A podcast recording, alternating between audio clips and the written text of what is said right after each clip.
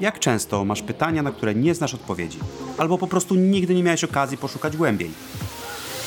W kościele Społeczność Chrześcijańska Wilanów wierzymy, że Bóg nie boi się Twoich pytań. Co więcej, to często On sprawia, że pojawiają się w Twojej głowie. Dlatego też chcemy stworzyć przestrzeń, w której będziemy rozmawiać, inspirować się i tworzyć relacje, odkrywając przy tym niesamowitego Boga. Ten podcast ma na celu podzielenie się naszą perspektywą i pomoc w znalezieniu odpowiedzi na nurtujące pytania. Społeczność Chrześcijańska Wilanów to kościół, który inspiruje do rozmów z Bogiem i ludźmi.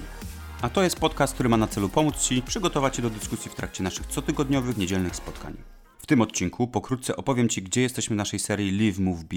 Przeczytamy dalej Księgę Dziejów Apostolskich, na której oparta jest ta seria, a następnie usłyszysz pastora Neita dzielącego się swoimi inspiracjami i odpowiedziami na trzy pytania, które tego lata jako Kościół sobie zadajemy w oparciu o dany fragment Księgi Dziejów. Po pierwsze, co dany fragment mówi o Bogu? Co mówi o człowieku? I do czego inspiruje i zachęca? Mam nadzieję, że po przesłuchaniu tego podcastu będziesz miał dobrą bazę do omawianego fragmentu i ułatwi to dyskusję i wspólne zagłębienie tego tematu podczas niedzielnego spotkania. Przesłuchaj, przeczytaj i odpowiedz sobie na te właśnie trzy pytania. A teraz kontynuujemy naszą wspólną drogę z pierwszym kościołem w Biblii. W zeszłym tygodniu przyglądaliśmy się wspólnocie, która żyła razem ze sobą, prawdziwie, autentycznie, mieli wszystko wspólne, dzielili się ze sobą tym, co mieli, tak, że nikomu niczego nie brakowało. Ale była para, która chciała i próbowała inaczej. To Ananiasz i Safira. Poznajemy ich jako małżeństwo, które umówiło się, że nie będą szczerzy, że trochę zatają, że pokażą się lepszymi niż w rzeczywistości byli. I pewnie pamiętasz, Bóg osądził ich nieszczerość, nieautentyczność, można by nawet powiedzieć ich oszustwo. Oni padli martwi, by oszukali nie tylko ludzi, ale samego Boga. I niestety okazuje się, że z nami, współcześnie żyjącymi chrześcijanami, wcale nie jest lepiej. Przychodzimy do kościoła z problemami, które ukrywamy, pokazujemy tę lepszą wersję siebie, która nieraz daleka jest od autentyczności. Oczywiście, jeżeli chodzi o Kościół, to Bóg chce chronić czystości wśród Jego dzieci, pragnie, byśmy byli autentyczni, prawdziwi i dzielili się między sobą tym, co mamy, aby nikomu z nas nie brakowało niczego, zarówno materialnie, jak i duchowo. Więc jesteśmy dzisiaj w rozdziale piątym. I poprzednie wydarzenia kończą się tym, że wielki strach ogarnął cały Kościół z powodu tego, co się przed chwilą stało z Ananiaszem i Safirą. I tak czytamy dalej. Przez ręce apostołów działo się wśród ludu wiele znaków i cudów. Wszyscy zaś jednomyślnie gromadzili się w portyku Salomona. Jeśli chodzi o postronnych, to nikt nie ośmielał się do nich dołączyć, chociaż lud miał ich w wielkim poważaniu. Przerwę tutaj na chwilę, żeby pokazać albo zwrócić uwagę, że ludzie obawiali się dołączyć do nich prawdopodobnie z powodu prześladowań, które były skierowane w kierunku tych pierwszych wierzących. Jak pamiętasz, chwilę wcześniej Jan i Piotr byli wrzuceni do więzienia, Rada Świątyni nie znalazła powodu do oskarżenia ich, więc grożą im, zabraniają im mówić Ewangelii Jezusa. To prawdopodobnie mogło mieć wpływ na to, że inni ludzie byli nie do końca ufni, pomimo tego, że mieli ich bardzo w poważaniu, pomimo tego, że szanowali i poważali tę Ewangelię, to jednak bali się być wśród tej grupy ludzi, przeciwko którym sąd świątynny wyznaczył zakazy i sankcje. A może bali się dołączyć ze względu na ten strach, przed którym właśnie czytaliśmy, przed tym, co stało się z Ananiaszem i Safirą. I dlatego Kościół spotyka się w portyku Salomona. Ale jak czytamy dalej, przybywało też coraz więcej tych, którzy zawierzali Panu. Mnóstwo, zarówno mężczyzn, jak i kobiet. Więc tutaj jeszcze moja uwaga, tak jak widzimy, Kościół stale rośnie. Wierzących stale przybywa. To nie znaczy, że to, że ludzie nie dołączali, jest jakimś pewnego rodzaju hamulcem dla rozwoju Kościoła. Ludzie nie dołączali do tych spotkań oficjalnych, ale cały czas przybywało tych ludzi, którzy słyszeli dobrą nowinę, tych, którzy się nawracali. I czytamy dalej. Było tak, że nawet na ulicę wynosili chorych, kładli ich na noszach i posłaniach, aby przynajmniej cień przechodzącego Piotra padł na niektórych z nich. Schodziły się również tłumy z miast wokół Jerozolimy. Ludzie przynosili ze sobą chorych i nękanych przez duchy nieczyste i wszyscy oni doznawali uzdrowienia. To, co się tu wydarzyło, to nie było normalne. To, o czym pisze Łukasz, autor księgi, nie było normą wśród ludzi wierzących, ani w kontekście kultury tamtych czasów, ani też nawet tamtego kościoła jako takiego wielkiego ruchu, który zaczynał się dziać. Ten fragment znalazł się w tym konkretnym miejscu Pisma Świętego po to, by pokazać z jaką mocą pochodzącą od samego Boga apostołowie nauczali i działali. To nie działo się wśród normalnych wierzących. e, można by powiedzieć wśród takich przeciętnych, wszystkich, którzy byli nowo nawróceni. Te działania były domeną tej danej grupy apostołów. Przynajmniej tak to opisuje Łukasz w dziejach apostolskich. I to, co może być nie do końca bezpieczne tutaj, patrząc na ten fragment, to to, że my wierzący dziś mamy taką tendencję trochę, aby zakładać, że skoro oni robili takie rzeczy, to my też musimy. Też musimy działać tak jak oni wtedy. Muszą być realne cuda, uzdrowienia, nadprzyrodzone znaki itd. Tak I wydaje mi się, że Łukasz nie pisze tego fragmentu po to, aby pokazać zasadę tego, jak powinien działać Kościół, zasadę tego, jak wierzący powinni codziennie żyć. A raczej jest to opis tego, z jaką mocą mamy do czynienia, jeżeli chodzi o Ducha Świętego. I to, o czym trzeba pamiętać, to to, że Biblia jest podzielona na wiele rodzajów literatury. Jest literatura, która nas naucza, to są przykazania, to są słowa Jezusa, to są wszystkie te rzeczy, które mówią idź, rób, czyń, nie rób, unikaj i tak dalej, ale są też pewne księgi, które są po prostu księgami opisowymi. I tak jest właśnie z dziejami apostolskimi. To jest opis tego, w jaki sposób pierwszy Kościół działał, w jaki sposób e, ludzie w tamtym czasie doświadczali mocy Chrystusa i w jaki sposób Chrystus objawiał się w życiu innych ludzi. I w tym wypadku to było coś bardzo wyjątkowego i to było coś, co było w samym Piotrze. Czytamy tutaj o tym, że ludzie mieli nadzieję, że nawet sam cień Piotra będzie w stanie uzdrowić i spowodować cud. Tu nie jest napisane, że cień każdego z nas, że mamy w taki sposób żyć, żeby nasz cień uzdrawiał, żeby nasz cień czynił wielkie cuda. Nigdzie nie czytamy nawet o tym, że cień samego Jezusa kiedykolwiek kogoś uzdrowił albo kiedykolwiek kogoś wskrzesił. Bo wierzę, że to nie jest reguła ani przykazanie. Cały ten fragment to jest opis wydarzeń potwierdzający to, jak wielką moc mamy poprzez Ducha Świętego. I czytając dalej piąty rozdział, od 17 wersetu, czytamy takie słowa. Wydarzenia te wzbudziły zazdrość arcykapłana i ludzi z jego otoczenia, należących do stronnictwa sadyceuszów. Z jego postanowienia schwytali oni apostołów i osadzili w publicznym więzieniu. Jednak anioł Pana otworzył w nocy drzwi więzienne, wyprowadził ich i polecił. Idźcie, stańcie w świątyni i ogłaszajcie ludowi wszystkie te słowa, które darzą życiem. Posłuchali go więc i z następnym porankiem weszli do świątyni, gdzie zaczęli nauczać. Tymczasem arcykapłan i jego świta zwołali wysoką radę oraz całą starszyznę synów Izraela i posłali swych podwładnych do więzienia, żeby sprowadzić apostołów. Jednak po przybyciu na miejsce podwładni nie znaleźli ich w więzieniu. Wrócili zatem i oznajmili: Więzienie znaleźliśmy zamknięte z całą starannością. Strażnicy stali przy bramach, ale po otwarciu nikogo wewnątrz nie znaleźliśmy. Gdy dowódca Straży Świątynnej oraz arcykapłani usłyszeli te słowa, wpadli w zakłopotanie. Nie mieli pewności, co się stało z więźniami. Wtem ktoś przybył i doniósł: Ludzie, których osadziliście w więzieniu, są w świątyni. Stoją tam i nauczają lud. Wówczas dowódca Straży Świątynnej udał się tam wraz z podładnymi i sprowadził ich bez użycia siły. Obawiali się bowiem, aby ich lud nie ukomienował.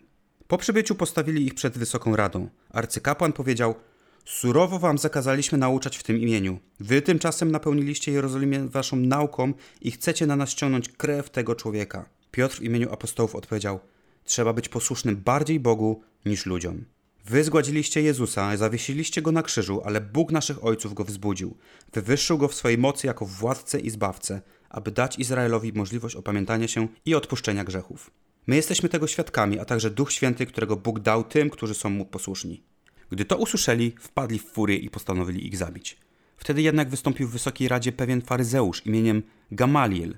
Był on nauczycielem prawa i cieszył się poważaniem całego ludu. Polecił wyprowadzić apostołów na chwilę, a gdy to uczyniono, powiedział: Izraelici, dobrze się zastanówcie, co chcecie zrobić z tymi ludźmi. Niedawno powstał Teudas. Podawał się za kogoś wyjątkowego. Przyłączyło się do niego około 400 ludzi, lecz gdy został usunięty, wszyscy, ilu ich za nim poszło, rozproszyli się i zniknęli. Po nim powstał Juda Galilejczyk w czasie spisu i pociągnął lud za sobą. On też zginął, a ci wszyscy, którzy go posłuchali, poszli w rozsypkę. I w tym wypadku wam radzę, zostawcie tych ludzi w spokoju.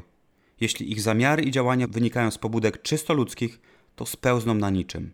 Jeśli jednak jest to sprawa Boża, to nie zdołacie ich zniszczyć, a przy tym może się okazać, że walczycie z samym Bogiem. Posłuchali go. Następnie przywołali apostołów, wymierzyli im chłostę, zabronili mówić w imieniu Jezusa i zwolnili. Oni natomiast opuszczali Wysoką Radę, ciesząc się, że zostali uznani za godnych tak niegodnego potraktowania dla Jego imienia. Każdego też dnia w świątyni i po domach nie przestawali nauczać ludzi i głosić im dobrej nowiny o Chrystusie Jezusie.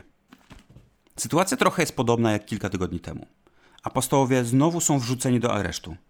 Tym razem w cudowny sposób jednak udaje im się wydostać. I co robią? Znowu nauczają. Zostają ponownie postawieni przed Radą Świątyni i co?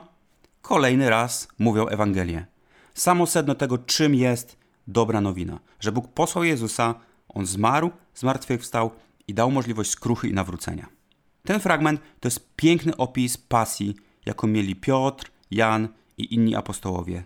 Tej pasji do Jezusa i do tej Ewangelii, którą Jezus głosił. A teraz trzy odpowiedzi na trzy pytania od pastora Neita, o których już wcześniej wspominałem. Czyli co ten fragment mówi o Bogu, co on mówi o człowieku i do czego inspiruje i zachęca. Jedną z rzeczy, jaką tu czytam, to mądrość tego mężczyzny, Gamaliela, który wstaje i mówi: Słuchajcie, zawsze mieliśmy do czynienia z tego typu ruchami, rewolucjonistami. Od zawsze byli ludzie, którzy przewodzili powstaniom, mieli naśladowców.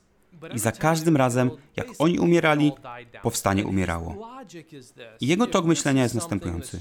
Jeśli to jest coś, za czym stoi po prostu idea człowieka, to to umrze nie ma potrzeby martwić się o to. Ale jeżeli to faktycznie jest czymś od Boga, to kim my jesteśmy, żeby walczyć przeciwko Bogu?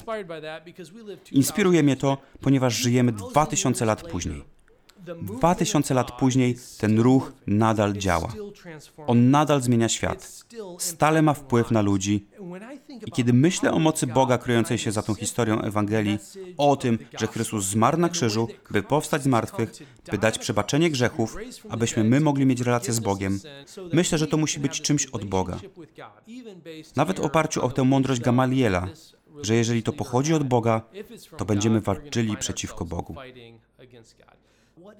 Więc co mi to mówi o Bogu? Mówi mi to o tym, że jego ruch, Kościół, który stworzył, który dzielił się Ewangelią przez 2000 lat, no nadal przemienia ludzkie życia, nadal przemienia serca społeczności. On nadal napotyka na opory, stale spotyka się z niezrozumieniem, z wyśmiewaniem, ale koniec końców stale są ci, co wierzą. I dzień w dzień my jako Kościół musimy nauczać o Jezusie. I uwielbiam ten fragment w kontekście tego, co mówi mi o Bogu. Co ten fragment mówi o człowieku? Kolejny raz pokazuje nam, jak bardzo potrzebujemy Ewangelii. Każdy z nas z powodu grzechu został oddzielony od Boga i potrzebowaliśmy Zbawiciela. Potrzebowaliśmy kogoś, kto mógłby wejść i skrócić tę odległość pomiędzy nami a świętymi standardami Boga. I to właśnie jest przesłanie Ewangelii. Przesłanie mówiące o tym, że ja i ty nie moglibyśmy nigdy zapracować, by być z powrotem z Bogiem. Potrzebowaliśmy Zbawiciela, a jest nim Jezus Chrystus. Do czego mnie to inspiruje? Czytam tu, że dzień za dniem, dom po domu, oni nigdy nie przestali nauczać tej dobrej no- oni nigdy nie przestali nauczać tej dobrej Ewangelii, która jest w Jezusie Chrystusie. Inspiruje mnie to do stałego trwania w misji z tym prostym przesłaniem Ewangelii. Uwielbiam robić dobre rzeczy. Uwielbiam, kiedy nasz Kościół robi dobre rzeczy. Te rzeczy są świetne, ale ostatecznie chodzi o Ewangelię Chrystusa, która przemienia serca. Przemienia małżeństwa, rodziny i społeczności. I wierzę, że jako Kościół musimy znać i rozumieć tę Ewangelię, tak abyśmy ją komunikowali ludziom, by poznawali Jezusa. Mnie to inspiruje, by trwać, poruszać się w misji, mając to narzędzie, to coś, co nazywa się Ewangelią. I do tego też Ciebie zachęcam. To są te odpowiedzi na te trzy pytania. Co więc przed nami? Przed nami jest niedzielne spotkanie, ale zanim spotkamy się, to zachęcam Cię, żebyś przeczytał jeszcze raz ten fragment dziejów apostolskich, piąty rozdział, od dwunastego wersetu do końca. Spróbuj odpowiedzieć na te trzy pytania w kontekście tego fragmentu. Co on mówi o Bogu, co mówi o człowieku i do czego zachęca mnie inspiruje ten fragment. Po co został napisany? Po co znajduje się akurat w tym miejscu w Biblii? Dlaczego akurat go czytamy? Co mogę zrobić z tym przesłaniem, które właśnie przeczytałem? Widzimy się w niedzielne przedpołudnie, gdzie czeka nas wspólny brunch, czas ze sobą oraz inspirujące dyskusje. Do zobaczenia. Dzięki za wysłuchanie i wspólne zmierzenie się z tym tematem. Jeśli masz teraz jeszcze więcej pytań niż wcześniej, sprawdź inne odcinki tego podcastu. Zajrzyj na nasze social media i stronę schwilanów.pl, by dowiedzieć się więcej o naszym kościele. Zapraszamy Cię również na niedzielne spotkanie, gdzie rozmawiamy, inspirujemy się i każdy ma okazję podzielić się swoją perspektywą na dany temat. Do usłyszenia w kolejnym odcinku podcastu Nurtujące Pytania.